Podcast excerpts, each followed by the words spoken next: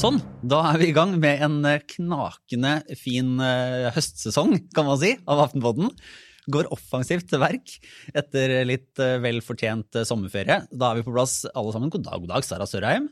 Hei, Lars. Fikk jeg komme først? Ja, Yes. som, som fast gjest, og, og, og hjertelig velkommen. Så, så fint. Vi er, vi er samla i det veldig varme og hjemmekoselige store studioet vårt, som klarer kombinasjonen av å være upersonlig, veldig stort og eh, litt i overkant varmt. Ja. Men uansett så er det bare det å være sammen med levende mennesker. Nå føler jeg at det er en sånn, øh, sånn siste mulighet til å liksom se dere og se ansiktsuttrykket og kroppsspråk, og jeg bare går med en sånn følelse av at når som helst nå så blir det liksom revet fra meg igjen inn i en sånn helsikes lockdown. Så foreløpig Nå er jeg egentlig bare helt lykkelig for å sitte her, samme hvordan det ser ut. Men det er veldig stygt der inne. Det Ja. må sies. Eh, og du, Trine Eilertsen, har du samme sånn eh, suget nå etter menneskelig kontakt og, og nærhet? Ja, altså jeg har jo eh, faktisk nesten bestilt barnevakt hver kveld denne uken, jeg, for, å, for å kunne gjøre noe annet enn å bare være i kjernefamilien. Det har vært helt strålende Altså, kan man bare bestille Er det en app, liksom? Nei, altså da spiller du på det du har av virkemidler. Unger er med hjem, andre Du bruker en barnevakt her, en barnevakt der, så du må liksom bare kjøre på. Nei, så er jeg faktisk uh, usedvanlig klar for uh, å møte folk, må jeg si. Etter fire uker på Vestlandet med én dag over 20 grader. Men uh, ellers har vi hatt det knallfint. Veldig fin høstferie, da. Ja. Vel.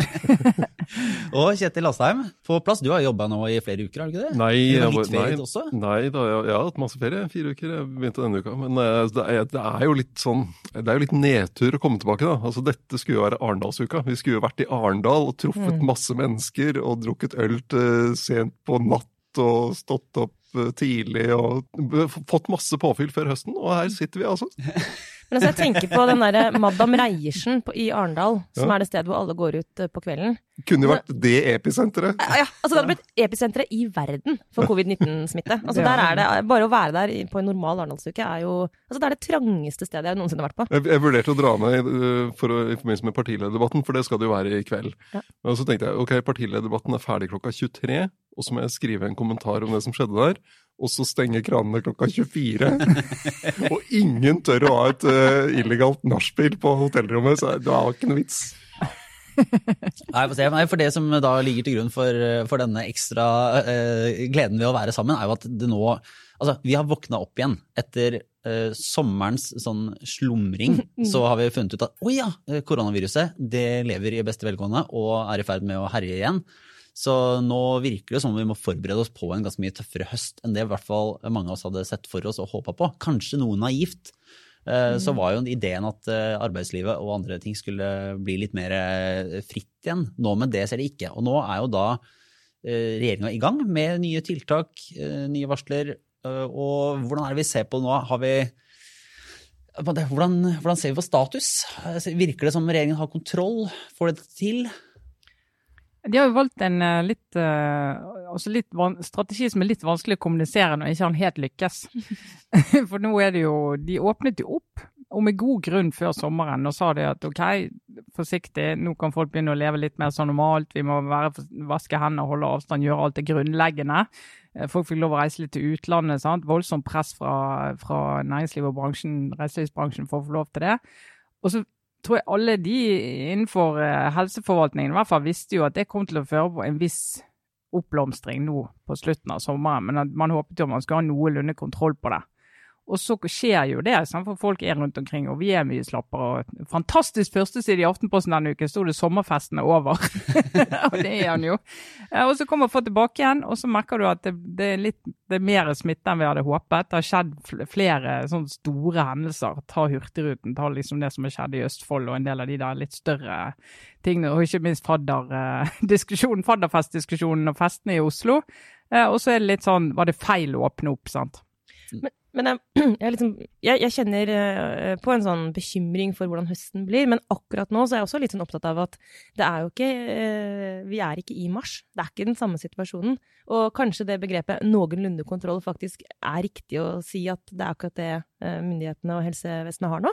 Noenlunde kontroll. For det er jo litt sånn fri smitte rundt i samfunnet, men det er fortsatt liksom lokale utbrudd og lokale tiltak. Så det, jeg kjenner også litt, og der er jeg sånn nesten så jeg går i sånn derre nå Nesten jeg blir sånn Min indre mediekritiker, eh, faktisk, har begynt å våkne litt til live. Fordi det er noe med at Vi må huske at i mars så slo vi opp antall døde, og nå slår vi opp antall smittede. Det er veldig stor forskjell på det. Så jeg, jeg tror det er greit å bare spare litt på kruttet. Det kommer helt sikkert til å bli mer smitte enn dette utover eh, høsten og vinteren. Så jeg klarer på meg at det er jo ikke, er jo ikke liksom Vi er ikke i en akutt situasjon nå. Det er, en, det er ting, tegn til bekymring, men det er greit å ha liksom litt sånn realitetsorientering òg, da. Det er ikke katastrofe nå. Nei, det er ikke. Men det som gjør meg litt uh, urolig, det er når du ser at de store byene egentlig ikke har kontroll. De er ikke forberedt på dette. De har ikke beredskap som gjør at de, når det da skjer noe, så smittesporingen er elendig, testkapasiteten er elendig. Og alt dette var jo forutsetninger for at vi kunne åpne litt opp. For da var jo tanken at hvis det kommer smitte, skal vi med en gang få oversikt over hvor kommer det fra, og hvor har det spredt seg videre, og så kunne isolere det. Men det har man ikke vært i stand til. Da. Så hørte jeg Raymond Johansen snakke om Oslo i går. og og det er jo um, Folk må ta ferie, og vi må, liksom, vi må liksom bruke muligheten nå til å roe ned på alle fronter gjennom sommeren, og det har vi gjort, og folk må få ta seg inn. Skjønner det, men du kan faktisk ikke slippe opp på den beredskapen i den situasjonen vi er. Så akkurat det syns jeg det gjør meg i hvert fall urolig. Skulle hatt en sånn app så kunne sånn Smitte... Smittefølgeapp. Ja, det har vært noe. Nei, det, jeg syns det er ganske overraskende at uh, Oslo kommune er, er såpass bakpå. Det er noe av det samme problemet i Bergen også. Mm. De, fordi vi visste jo, og de sa jo at når vi slipper opp, så blir det, blir det, mer smitte. Og så ja. skulle det å få kontroll på dette skulle gi mulighet til å bygge opp uh, de systemene som trengs. Mm. Og så er det ikke der. Raymond Johansen har jo vært veldig, altså Pekefingeren hans er jo blitt lengre og lengre. ja, ja. men det holder jo ikke. Du må, ha et, altså, du, kan, du må formane folk og gjenta hva de skal gjøre. Men du, noen gjør dumme ting. Noen gjør u, ukloke valg, og noen er uheldig. Og det må du ha et system som Men er det ikke, er det, ikke der det som nå på en måte får eh, blod til bryst og folk til å bli forbanna, inkludert litt meg? Det er sånn, ja, men folk ikke gjør sånne ekstra dumme ting heller, da. Ikke liksom, jeg vet ikke, jeg har ikke alle detaljene på Hurtigruta, men bare sånn, se litt utenfra. Litt, bare noen grunnregler på sånn basic ting, så, så ligger vi jo mye bedre an.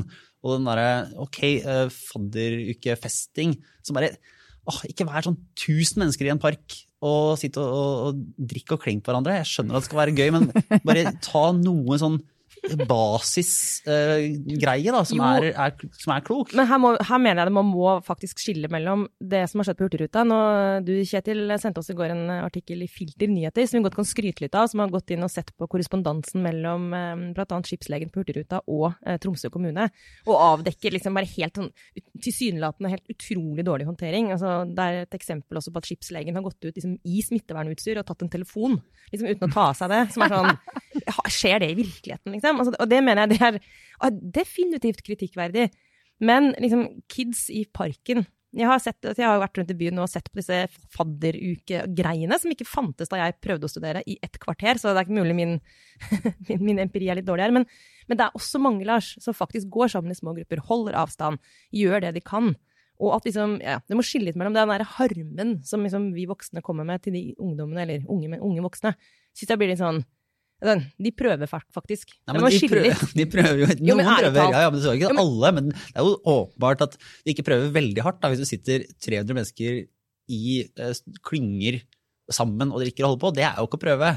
Nei, men i går var jeg i Frognerparken sent på kvelden eh, på vei hjem, og det var helt rolig. Politiet kjørte, kjørte rundt sånne sirkler. Fikk sånn følelse at det var sånn eh, doomsday. Sånn, politiet hadde sånne biler med store sånn, sånn flombelysning på taket. Kjørte rundt i parken. Ja, ja, ja, true story. Kjørte rundt i parken, og så var det noen sånne bitte små klynger med sånne forskremte uh, unge mennesker som satt sånn to og to sammen med en kilometer mellom seg i den gigantiske Frognerparken. Og ikke turte å drikke engang. Ja, jeg tror ikke de drakk engang. Jeg tror ikke de røyka hasj engang. Altså, det var helt sykt. det er jo, jeg passerte jo sånne faddergrupper i en park her i, i går eh, kveld, tidlig på kvelden.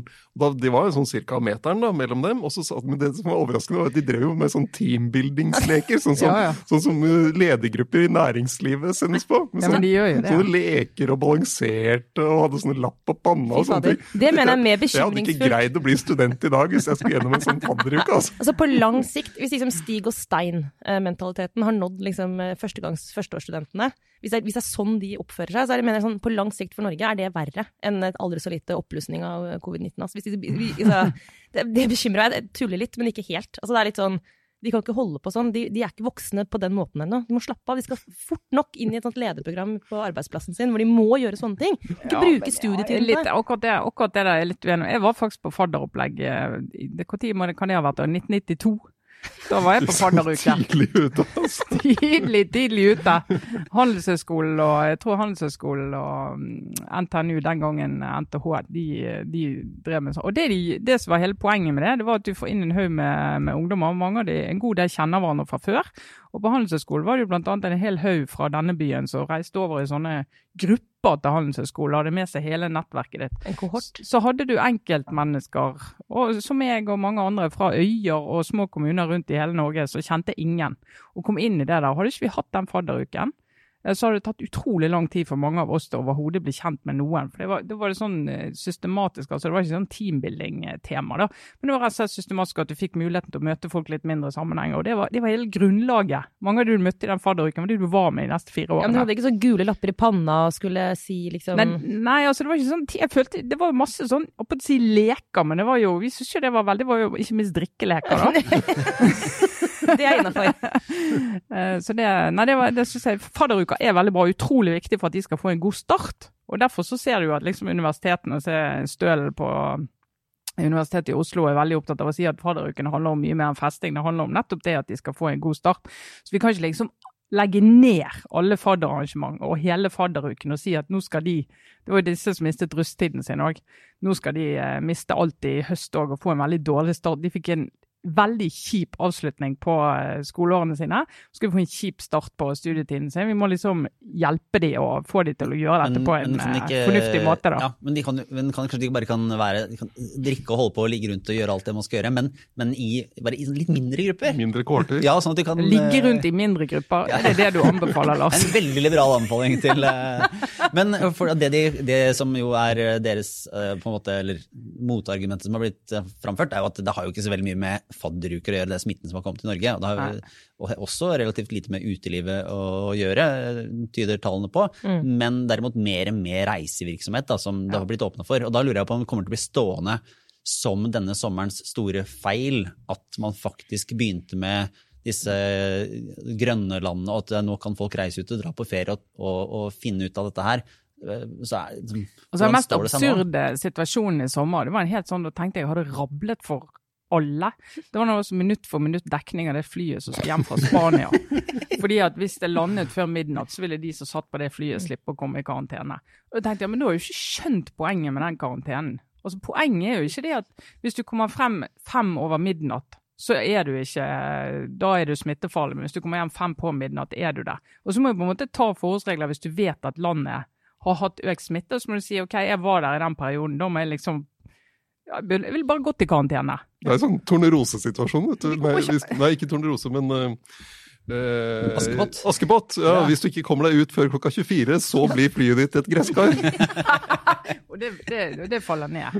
Ja, Jeg, jeg synes, eh, nå ser jeg at, eh, og jeg syns jeg kan, kunne ane på pressekonferansen til regjeringen i går med, med Solberg og Høie, jeg kunne ane slags sånn, allerede nå en sånn litt sånn forsøk på på en måte, om ikke, ikke ansvarsfraskrivelse, altså, men på der, altså, de brukte en del tid på å forklare hvorfor det var riktig å åpne opp for reising.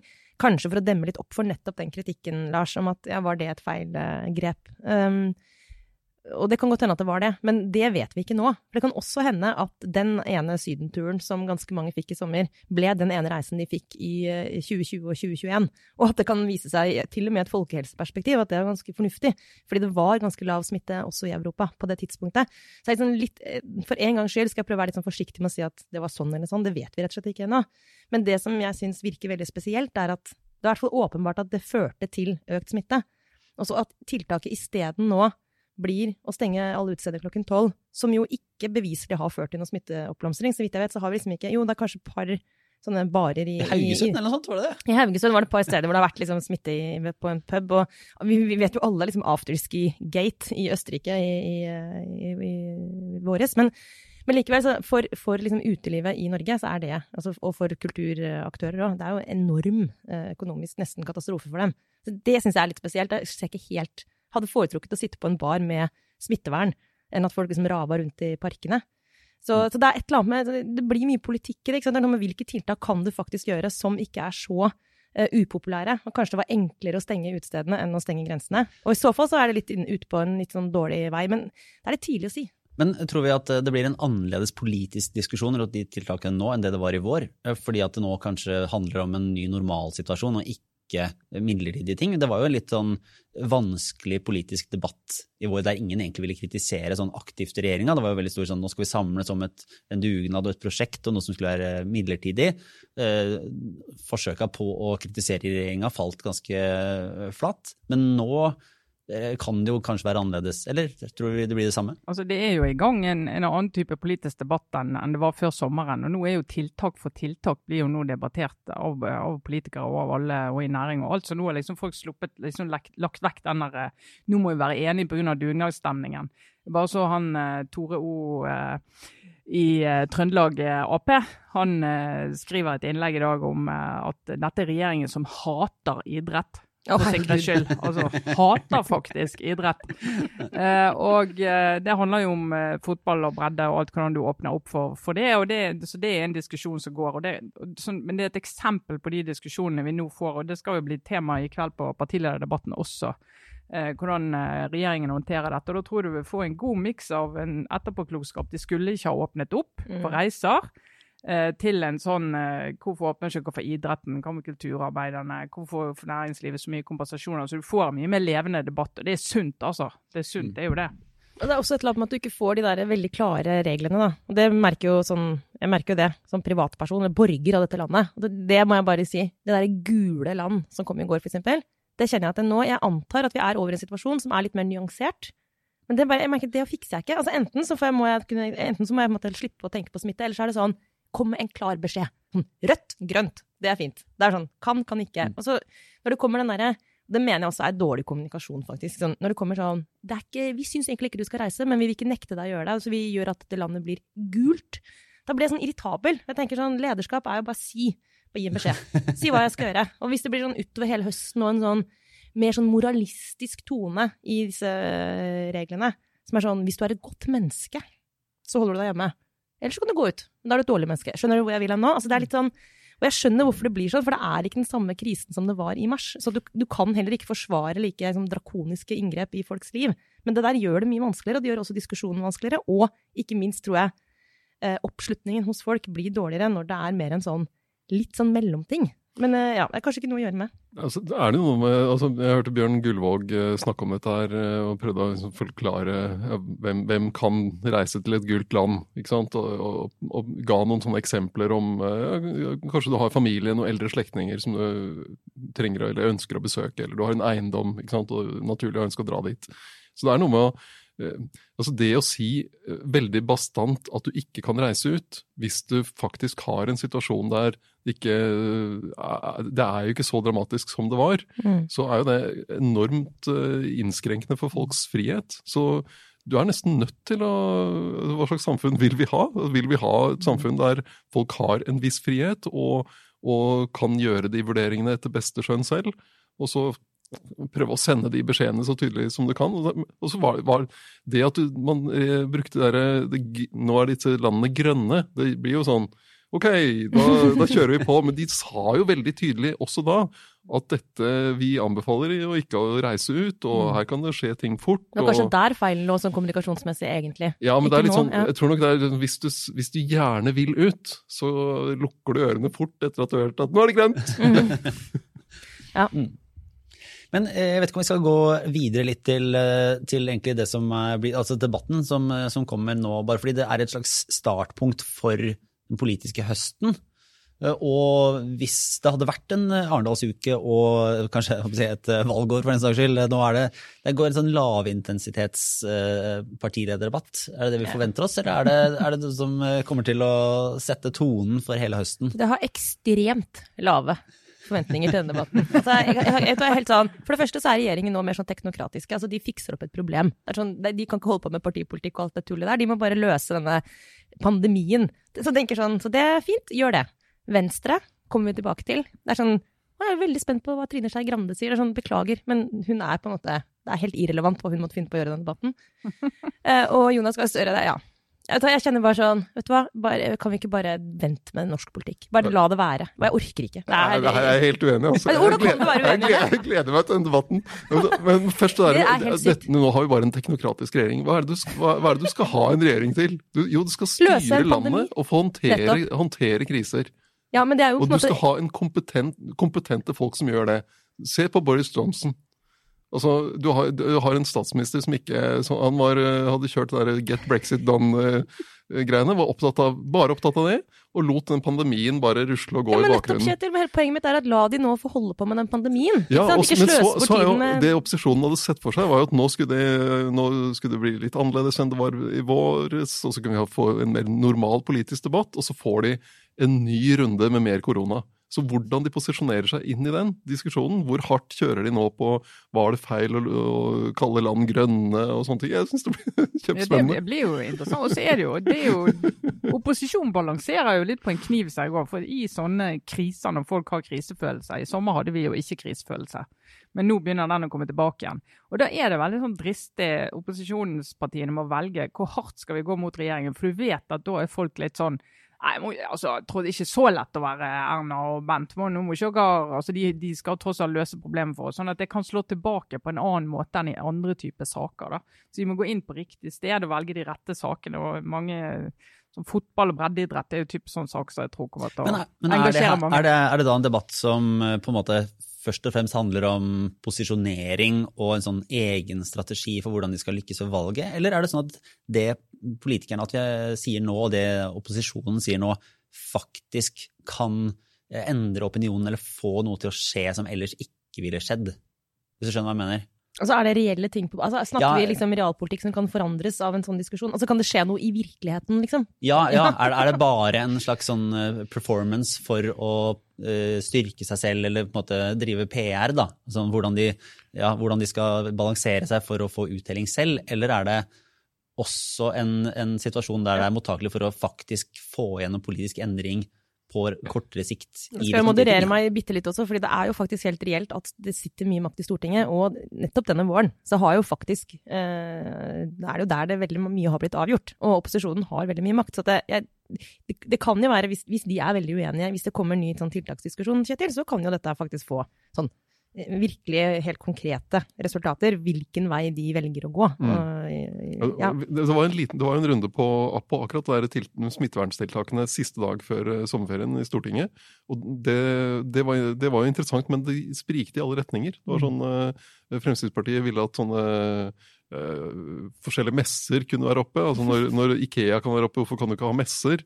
Eh, og Senterpartiet ville at man skulle kunne spille fotball på Tynset og Røros, eh, for der er det ikke sånn smitte. Altså, men det de gikk sånn i hver sin retning. Og hvis alle de forskjellige kravene skulle vært eh, innfridd, så ville man jo åpnet eh, opp for det meste.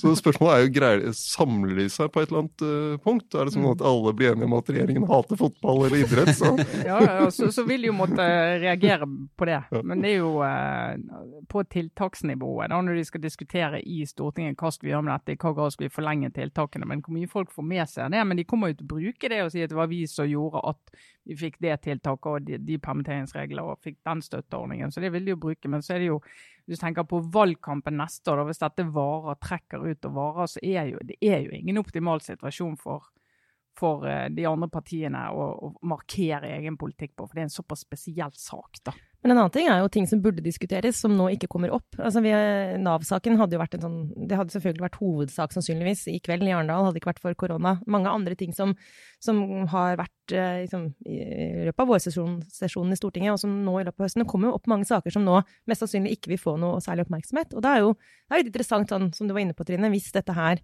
denne unntakstilstanden blir eh, over et år, kanskje to, hva som skjer med liksom, andre ting i norsk samfunn som vi burde diskutere. Altså, hvor mye er det som kommer til å gå under radaren nå? Og også beslutninger. Altså beslutninger som å bli fatta om helt andre ting.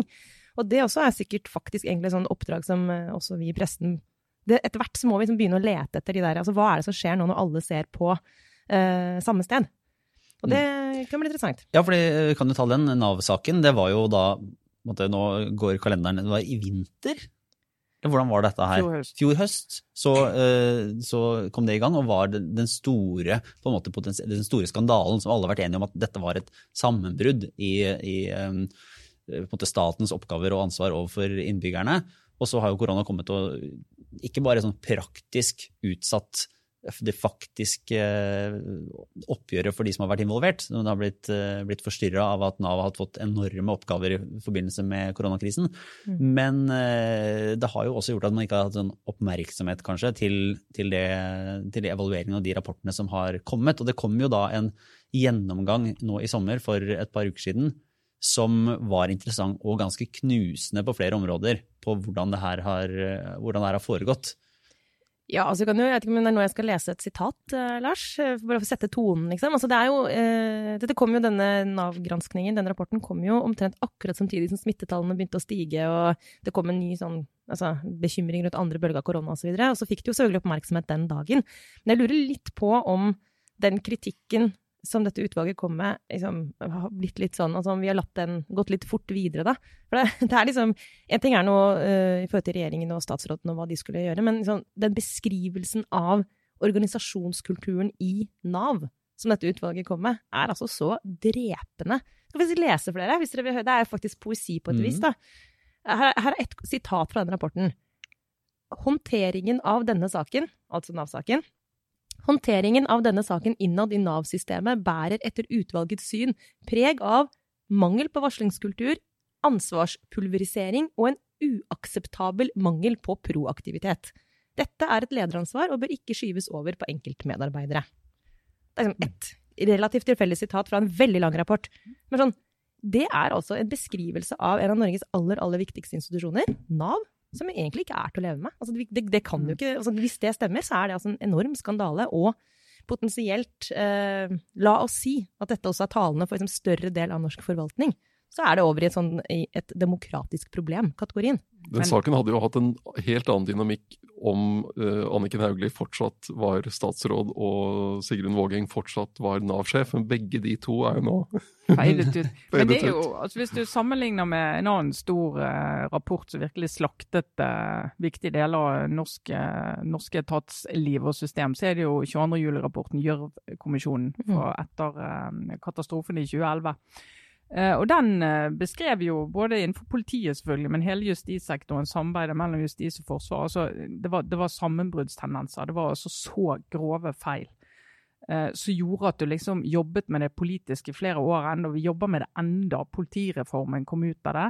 Vi gikk inn og skulle ha sånn, hva må vi gjøre med ledelses, ledelse i politiet? Hva må vi gjøre med ledelse i alle disse organene?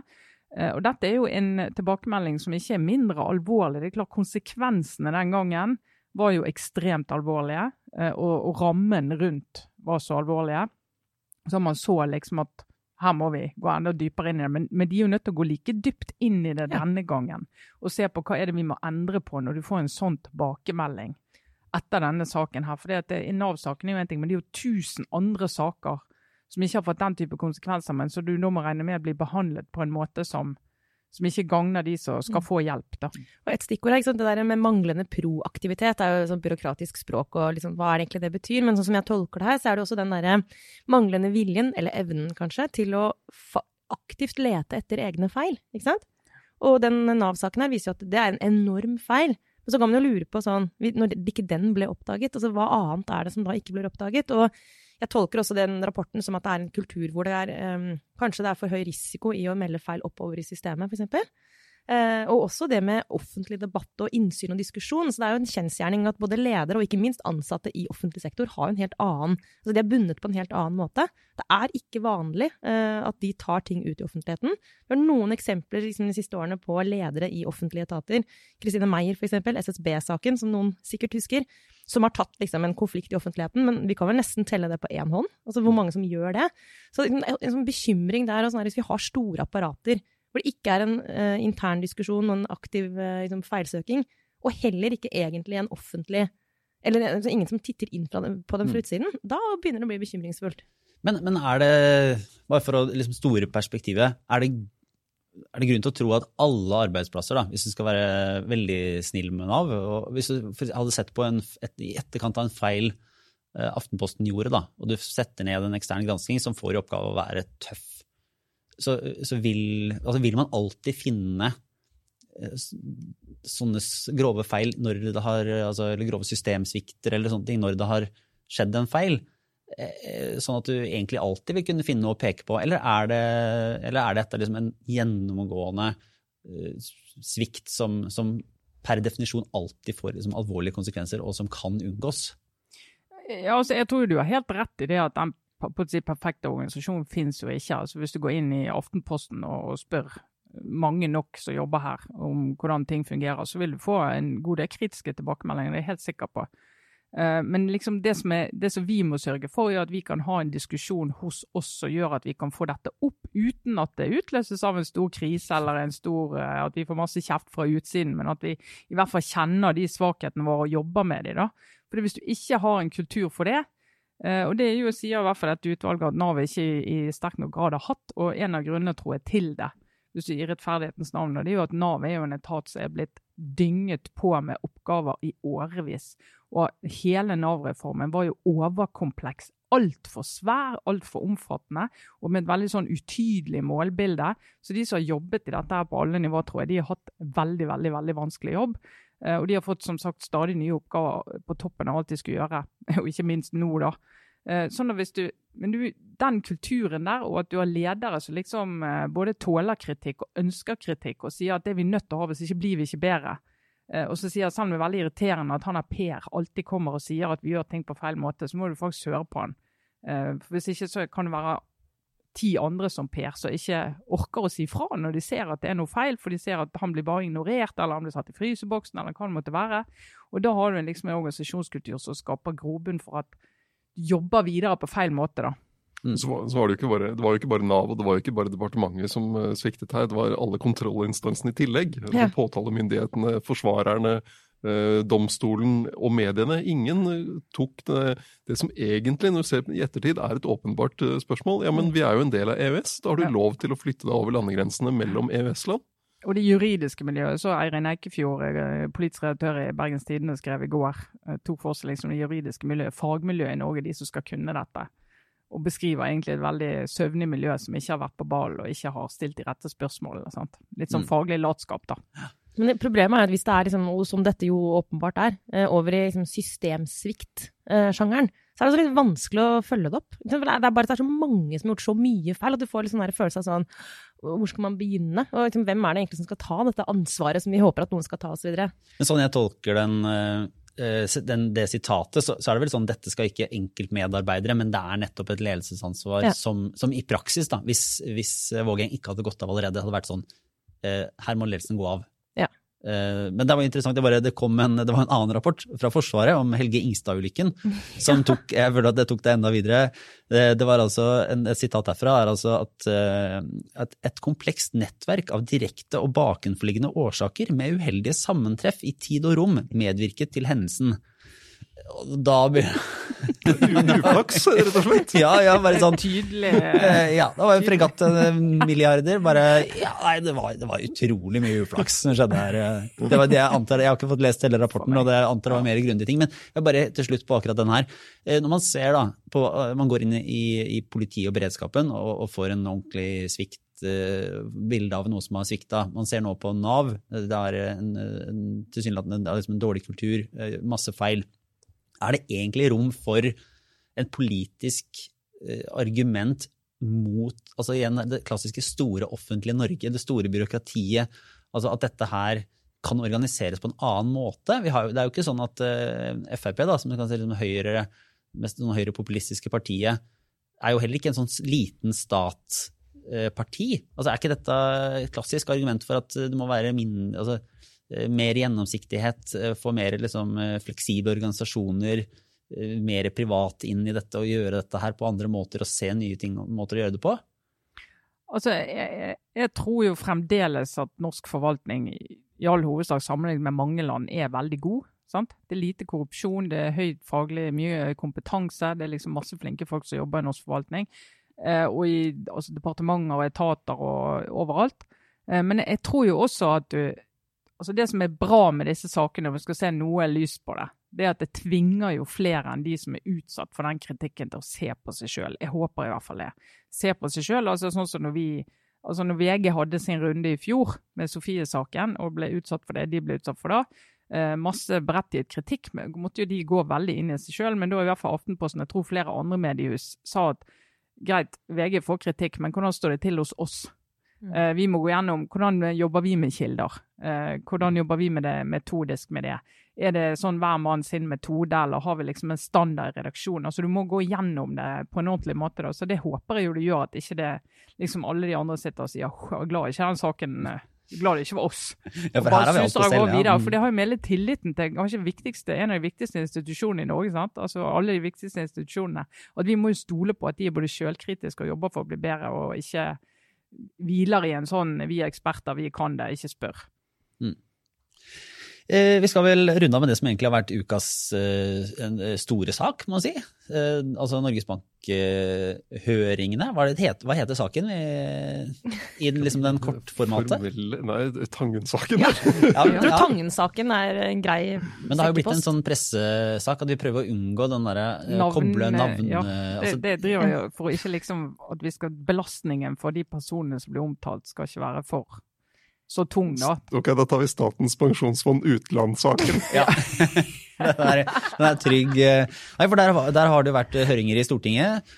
Eh, og, og, det har jo kommet fram en ganske sånn tydelig Jeg vet ikke om man skal si at det er en faktisk sånn konflikt mellom lederen av representantskapet, Julie Bråskorp, og Øystein Olsen, sentralbanksjefen. Det tror, vi, det tror jeg vi kan si. Ja, det, det, tror jeg vi må bare slå fast. Jo, jo, men, jo, men uh, hvis, hvis jeg tenker da, er det, en, er det en, på en måte en konflikt mellom dem, eller har de bare uh, ulike syn på en sak? Altså, De har jo en ulike syn på en sak i så stor grad at det Jeg tror ikke de liksom møtes og tar en kaffe etterpå og sier sånn Så bra at vi klarte å belyse denne saken fra flere sider. Det var jo veldig bevisst fra vår side. Vi ønsket en, å få frem litt forskjellige synspunkter, men egentlig er vi gode venner. Not so much. Jeg tror ikke det. Eh, fordi eh, Julie Bråttkorp, da, som, som leder av representantskapet, var i Stortinget. og var vel det som på sånn diplomatisk heter usedvanlig klar og tydelig mm. på at de mente det hadde vært ureint trav i ansettelsesprosessen av Nicolai Tangen Eh, som eh, ny oljefondsjef. Og, og, var vel ute da blant annet og sa at, at det var brudd både med, med, offentlighetsloven i forbindelse med liksom, søkelister og sånne ting, det har jo egentlig vært klart, men også eh, og her kan du kanskje hjelpe meg å forklare litt, Kjetil, for du har vært nærmere på, men et brudd på sentralbankloven, mm. var det det som var påstanden? Ja, at det, det er en bestemmelse i sentralbankloven om at Norges Bank skal informere Finansdepartementet om viktige spørsmål. Uh, og, og, så mente da Julie Bråttkorp at hvis uh, Øystein Olsen, sentralbanksjefen, ikke hadde informert Jan Tore Sanner, finansministeren, om at uh, Nicolai Tangen skulle beholde eierskapet i selskapet han har bygd opp, Aco Capital, så var det brudd på den bestemmelsen. Ehm, men det sier jo da Jan Tore Sanner at eh, det var det ikke. Eh, han fikk ikke det, akkurat den informasjonen, men, men, eh, men, men sier da at det, det, den ansettelsessaken omfattes ikke av den paragrafen som Julie Brottkorp viste til. Mm. For det er egne bestemmelser i loven om ansettelsen av oljefondsjefen. Det, men det er jo veldig eh, Og der var det også et, et av Senterpartiets medlemmer av representantskapet rykket jo ut i Dagens Næringsliv og sa at han var uenig i uh, det ja. Julie Bråttkorp uh, hadde sagt. Så det, det var ganske Si, det var ganske sterkt å se altså, hvor hardt hun gikk med en mm. sånn anklage. Mm. Og så kommer det etterpå og viser seg at det var såpass tynt grunnlag. Ja, og han, altså Morten Søberg, fra tidligere Senterparti-rådgiver og politiker, som da hadde det innlegget etterpå i, ideen den som du refererer til, det er også veldig, egentlig veldig interessant, fordi jeg, jeg aldri tror jeg kan, kommer ikke på altså Denne saken ligner ikke på noe annet uansett, men at det internt i representantskapet, som ellers er veldig sånn lukket rom-diskusjon Men de er pålagt uh, taushet. Ikke sant? Og at det, det er jo uh, Altså det kanskje virker ikke så dramatisk for folk flest at en, en person skriver en kronikk i DN, men det er veldig dramatisk at han mm. gjør det. Altså det er et tegn på at det er enormt stor uenighet om dette. Så det liksom Ja. Nei, nei, Du ler, ja, jeg sitter bare og ler, fordi nå, nå hvis, jeg, hvis jeg Altså, Morten Søberg, det er samme Morten Søberg hvis telefon, den eh, omtalte grove tekstmeldinga til Liv Signe Navarsete, ble sendt fra hyttetur. Er. Dessverre vil jeg alltid hefte med Morten Søberg, men som også Morten Søberg er jo også forfatteren av en av mine favorittbøker om norsk politikk og forvaltning, som heter 'Senatet som aldri vart'. Og det er veldig synd er at jeg føler at det- den boken han har skrevet, som jeg anbefaler, den, det drukner veldig i den hyttetur-gate, altså. Hvis du tenker sånn, tenk på tre ting når du hører ordet Morten Søberg, så blir ikke det på førsteplass. Men uansett, da. Det var veldig bra, apropos det vi akkurat snakket om, om mangel på offentlig debatt. Det er veldig, veldig bra at han skriver den kronikken. Ja, det er nettopp sånn vi vil ha det. Ja, men det var et paradoks at denne, dette på en måte, brorskapet på denne hytteturen, det var så fullstendig eh, at den, eh, måte, den omertaen som, som ligger over den hytteturen, den skal aldri bli brutt. Men representantskapet, her var det et samvittighetsspørsmål å eh, si ifra om at han ikke var helt enig med Julie Fraskorp. Og så skal det sies at, eh, at det er jo Det hevdes fra absolutt alle kanter, og det var ikke noe selvstendig grunn til å betvile det, at det er ingen som vet hvem som sendte den tekstmeldinga. Altså Morten Søberg eh, er jo ikke heller er uttrykt som tror mistenkt. Det er absolutt ingen som tror at det faktisk var Morten Søberg som sendte den Nei, er eh, meldingen. Ja. Nei, bare så det er Så det var, et, det var et billig poeng og en, en, en, en, en, eh, digresjon fra det det egentlig handla om. Men det jeg skulle komme tilbake til, som er det store spørsmålet, for sånn jeg har forstått denne saken her, og jeg har ikke vært jeg hørte ikke høringa, men det framstår som veldig usannsynlig og egentlig umulig at både altså Julie Bråttkorp, Nicolai Tangen og Øystein Olsen kan ikke fortsette alle tre. Eh, Jo, det kan de. Eh, Men eh, det, som er, det som er litt komplisert her i det politiske, er jo at Julie Bråttkorp er jo tidligere statssekretær for Erna Solberg. Så hun er plassert inn i den rollen fra Høyre. Og når hun kjører så knallhardt i eh, den høringen, skal da opposisjonspartiene komme og liksom være litt mer sånn kjølig og Mm. og passe på Norges Banks uavhengighet, og det er jo, det er jo til og med de skrev jo til og med inn, Så sent som i fjor så ble det lovfestet at det er hovedstyrets ansvar å ansette oljefondsjefen. Eh, Så de, de kunne liksom tatt en litt sånn eh, roe det ned litt. Men når hun er da som et sånn lokomotiv inn i den høringen, Mm. hva skal da Arbeiderpartiet, Senterpartiet og de andre gjøre? Men, men er det sånn, hvis, øh, hvis det er sånn at Olsen og Tangen ok, de har gjort alt, det er faktisk greit, og Sanner mener at det er helt greit, og Stortinget vil ikke måtte gå inn og være veldig veldig tydelige. Eh, er ikke det en mistillit mot Julie Brottkorp som leder av representantskapet, som er satt til å følge opp dette og eh, på en måte få det ansvaret? Så hvis de sier at, at du kan mene at dette var feil, og liksom på vegne av representantskapet, så kan det være feil. Men vi mener at du tar feil om oppgaven din, som er kjerne eh, det er det som hun har satt til å gjøre. Hvis de ikke stoler på den vurderingen fra henne, så kan vel ikke hun fortsette å sitte hvis Øystein Olsen og Nicolai Tangen fortsetter. Og tilsvarende, hvis man tar Julie Bråttkorps posisjon på alvor og mener at hun har rett, så er det jo sånn Øystein Olsen har jo da ikke forstått sin rolle og ikke gjennomført dette på en ordentlig måte. Og kan de fortsette å samarbeide? Jeg, Men de skal jo ikke samarbeide heller, da. Ikke sant? Det er jo, hun er jo en sånn, Tilsyn. vokter. Ja. Tilsyn, ja. Men, men et annet aspekt der også er jo uansett hva som skjer med om, det er noen, altså, om noen må gå til slutt, så er det også sånn at hvis det skjer, så er det også et problem. Fordi nettopp Norges Bank har den der helt særegne beskyttelsen i den egne loven, som, nettopp mot innblanding.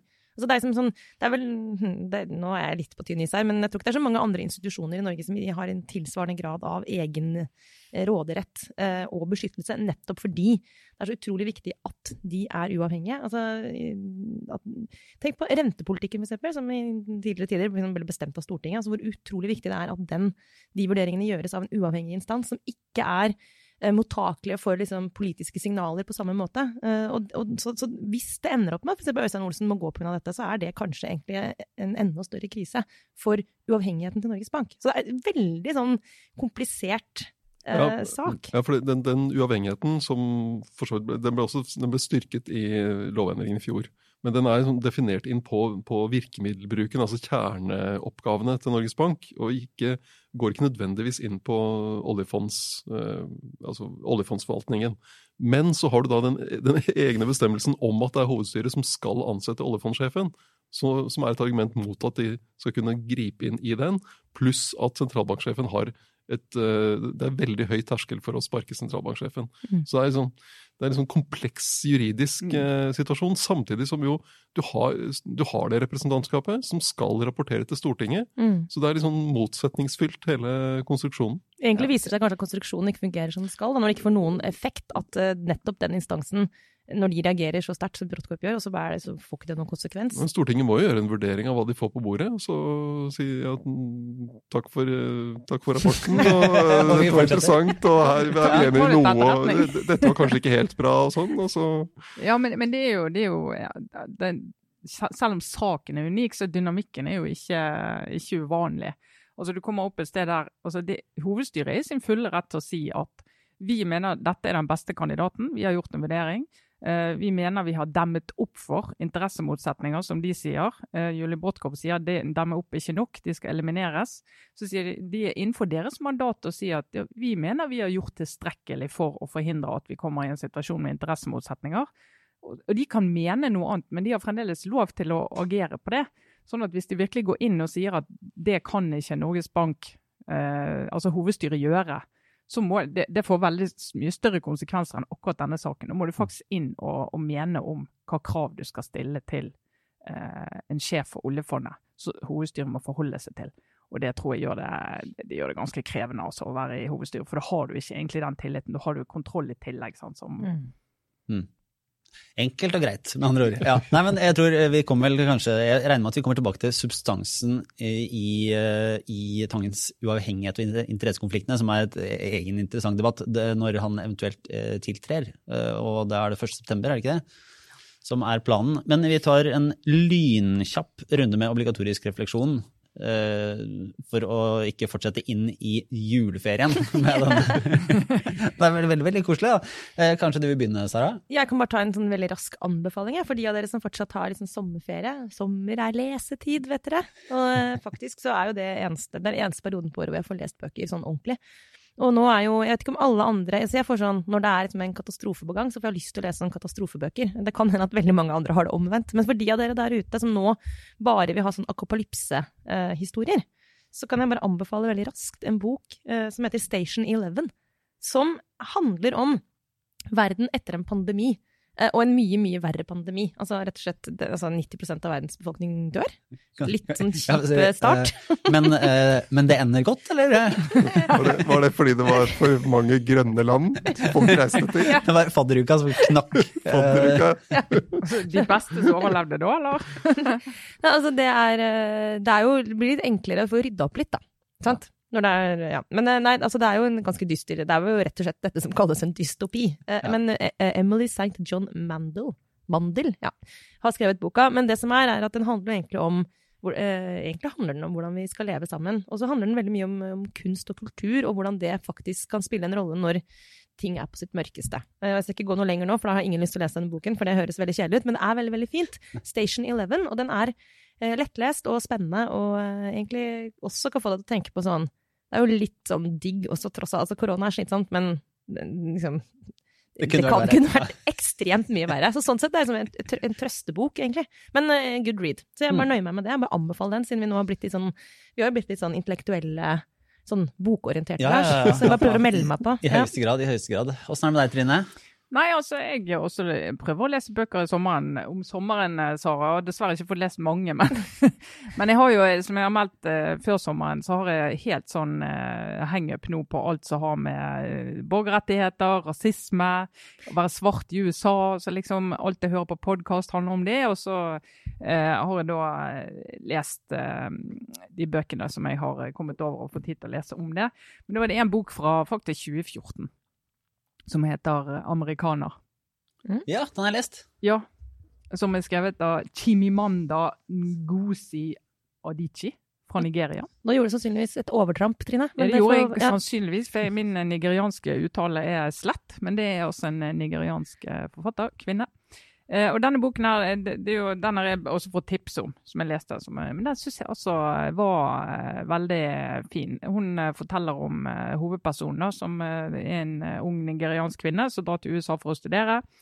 eh, og blir der. Og veldig sånn, Hun er blogger, bygger opp en sånn blogg eh, som blir veldig mange leser, hvor hun egentlig skriver om det å være svart i USA, og kommer fra Nigeria, der du ikke har noe forhold til å være svart, for der er jo alle det, eh, til et eh, land der du liksom Du har mange typer måter å være svart på. Afroamerikanere det er ikke det samme som de som kommer fra Jamaica eller de som kommer fra Nigeria. eller de som er i andre.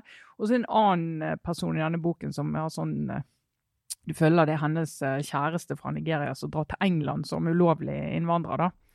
Eh, Og du får høre hans observasjoner og hvordan det, det oppleves. Jeg må si eh, jeg har sjelden lest en beskrivelse av særlig hans opplevelse da, som ulovlig innvandrer og jobbsøker og prøver å Mm. liksom få etablere seg i et annet land, som har truffet meg så hardt.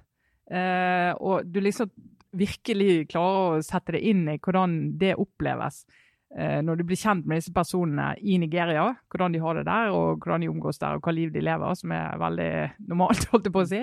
Eh, og så drar de ut, og så opplever de å komme inn i et nytt samfunn og bli sett på en helt annen måte Mm. enn eh, der de kommer fra. Eh, Så den boken der, 'Americana' 'Amerikaner' Er det roman, den, eller er det det- er roman, ja. ja. Mm. Eh, Men eh, det helt klart, hun har helt sikkert erfaringer som eh, altså, Det er veldig veldig gode observasjoner. Veldig gode observasjoner, Mm. Veldig gripende, syns jeg, den eh, romanen. da. Er, jeg, faktisk, det kan også da bare hive på en medanbefaling av eh, den boka hun skrev før, tror jeg, som heter 'Half of a Yellow Sun', som er mer den er fra Nigeria og går inn i litt sånn historiske konflikter der, men også er veldig veldig godt skrevet. Så det kan jo anbefales. Åssen er det med deg, Kjetil? Har du reflektert noe særlig siste uka? Eller har du Ja, nei, jeg, har tenkt, jeg har tenkt mye på det her, at vi brukte liksom våren på å klappe ut av vinduet, og så skal vi bruke høsten på å sy våre egne munnbind. Det, er, det blir litt dystert til sinns. Altså. Men jeg syns det var fint at vi hadde i en sak i Aftenposten denne uka om med, hvordan syr du dine egne munnbind. Og så var et av punktene var bruk tekstiler du kan puste gjennom. Det, det, tror, jeg, det tror jeg er en god anbefaling. Eh, Men jeg hadde er også tenkt på en Aftenpostens rolle, dette, Kjetil, å si det åpenbare. jeg har også, også tenkt på en bok, da. Vi må samordne dette bedre neste gang, altså. Men eh, jeg har lest en eh, av en professor i statsvitenskap fra Danmark, ved Universitetet i København. eh, og også leder for Center for European Politics, tror jeg det heter. Eh, gitt ut nå rett før sommeren. Den heter The Tribalization of Europe. Er, hun er jo en uh, veldig pro EU-samarbeidet, uh, forsker og, og statsviter. Eh, Men der tar hun et veldig engasjert Hun rister liksom tak i det hun er glad i. Nå må dere liksom eh, ta dere sammen. EU handler ikke ba bare om fri flyt av varer og og økonomi. Det handler om demokrati og grunnleggende rettigheter og eh, rettsstat. Og, og her må liksom EU-lederne skjerpe seg med tanke på det de tillater i Polen og Ungarn og sånne ting. Veldig engasjert, eh, engasjert bok, og forsvar for de, de som er på en måte drevet litt på defensiven da, av, av Trump-valg og brexit og sånne ting. At man ikke tør å forsvare de institusjonene man har, har bygd opp, og de verdiene de skal forsvare. De man elsker, tukter man. Mm. Det er en sånn bok. Ja, Men at, man, men at man nettopp da også svekker sin egen sak da, ved å ikke ta Altså ikke være tøff nok Ja, mot, at sitt, det- mot sitt at- eget prosjekt. Ja, at man ikke, Hvis man, ikke er ute aktivt og forsvarer det, så undergraver det hele, hele fundamentet for samarbeidet.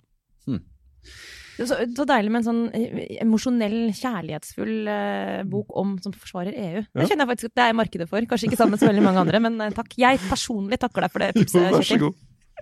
ja, jeg, kan da avslutte med noe eh, veldig mye mindre saklig. Fordi når jeg nå jeg start, altså Starten på høstarbeidslivet, det er jo litt spesielt å gå fra ferie, som for min del er veldig sånn hjemmeferie, eh, liten baby, eh, opp på, liksom, på kontoret og sette seg ned, mens eh, resten av dagen ser veldig lik ut som sommerferien. Og så er det noen dilemmaer som jeg nå oppdager at man kommer i når man har blitt, uh, blitt forelder. Og jeg tenker at det her er, er kanskje et spørsmål, for jeg vet at det her har kommet opp tidligere. Men da Eh, har ikke du vært så interessert? men da har ikke jeg vært så interessert. Og nå, nå har jeg Så i hjemmekontoret, der er alt, eh, der er alt lov eh, klesmessig. Men når man da f.eks. skal inn på jobb, så er jo spørsmålet hvor man, altså, hva er kriteriene for hvor mye gulpeflekk du kan ha før du må skifte? Og her, fordi jeg har jo på et tidspunkt kommet med en litt slem kommentar til deg, Sara. Det har du. Det har du, Lars. Jeg har ikke tatt det opp med deg så mange ganger etterpå, men du har kommet i skade for å peke på Du har faktisk kommentert, sånn, og det kom ikke engang ut fra at jeg åpnet ikke for det engang. Du bare helt flat out eh, kommenterte at jeg hadde veldig flekkete klær, og at jeg alltid hadde det. Husker du det? Du har alltid veldig flekkete klær. Jeg er ganske sikker på at, det, at de ordene falt på en litt annen måte, men, det, men, eh, Men sånn ble det hørt, men sånn ble det hørt, og det kan jeg forstå. Og substansen var jo, det var jo på en måte, den er riktig gjengitt. Altså, det er noen flekker som er veldig like. Nå vet jeg ikke om jeg er over i det som er veldig ekkelt, men også um, si, fle eh, Monica Lewinskys flekk på den blå kjolen. Den. Eh, gulpeflekk og, og grøt. De tre tingene er sånn ubestemmelig hvite flekker. Og så lenge det er helt umulig å si hvilken del av den kategorien flekk det er, så kan alt komme unna som havregrøt eller grøt, babygrøtflekk. Og så lenge det ser ut som en grøtflekk, så tenker jeg at, da, at det er greit, da. Det har vært min Sånn har jeg jo forholdt meg til det. Utrolig liberal. Ja, det Og jeg må også si at det har vært mest av kategorien grøt og gulp. men ja, men det er en sånn type flekk som er litt ubehagelig å gå ut i offentligheten med. Men Ja. det er litt hvor, altså hvor den flekken kommer og la oss tenke. Ja, la, la, oss, la oss ta som utgangspunkt eh, skuldre, da, for Ja, eksempel. for det er det. Det mener jeg. Det er, har du en baby på under ett år, og, litt, og vel så det, så at du har flekker på skuldrene, det er bare sånn det er å ha barn. Det er akkurat som våkenetter. Det er bare sånn det er. Du kan ikke forvente Nei. At en som har en så liten baby, ikke har flekk på skuldrene. Sånn er livet ditt, vet du, Lars. Det er sånn livet det, er, ditt det er. fra ketsjup på skjorta til gulpeflekker på skulderen. Trine, jeg håper ikke jeg nå går over grensen for å utlevere deg, men du, jeg mener å huske at du har en veldig veldig fin skinnveske som Ja. hadde en sånn ubestemmelig flekk i mange år. Mange år, Ja. jeg vet ikke om han har det. Kanskje han har det ennå. Det kan godt hende, men nå begynner det nesten å bli sånn biologisk interessant, syns Ja, jeg. ja, for det, jeg husker at når du, som jo ikke sant, min life coach her i livet, kom vandrende inn med autoritet og selvsikkerhet i Aftenpostens lokaler som nyslått politisk redaktør, med en veldig fin skinnveske. Det er en sånn ordentlig fin en. Og jeg husker jeg la merke til at det var en sånn ubestemmelig hvit flekk. Mm. Men jeg husker du bare avfeide det, eller du kom, jeg tror jeg til og med kommenterte det. Du sa sånn, det er sikkert en gulpeflekk. Ja. Så ingenting hadde skjedd. Og da var jeg sånn, dette er jo akkurat sånn man skal takle det. Og så har jeg kanskje tatt det litt langt da, i min sånn liberale holdning til flekker. Det er mulig det er din feil, Trine. Ja, det kan gå- det Men Lars, du må bare stå i det. Jeg tror det, det er i hvert fall trygt, fordi i- ja, det, i Aftenposten så har det veldig sånn strengt uh, greie med at du skal ikke gå med shorts. Så jeg er glad for at det er mer liberal holdning til uh, flekteklær enn til uh, korte benklær. Strengt og strengt. Det er et ønske fra opptil flere i ledelsen, men vi har gitt opp kampen, Lars. Ja, ja.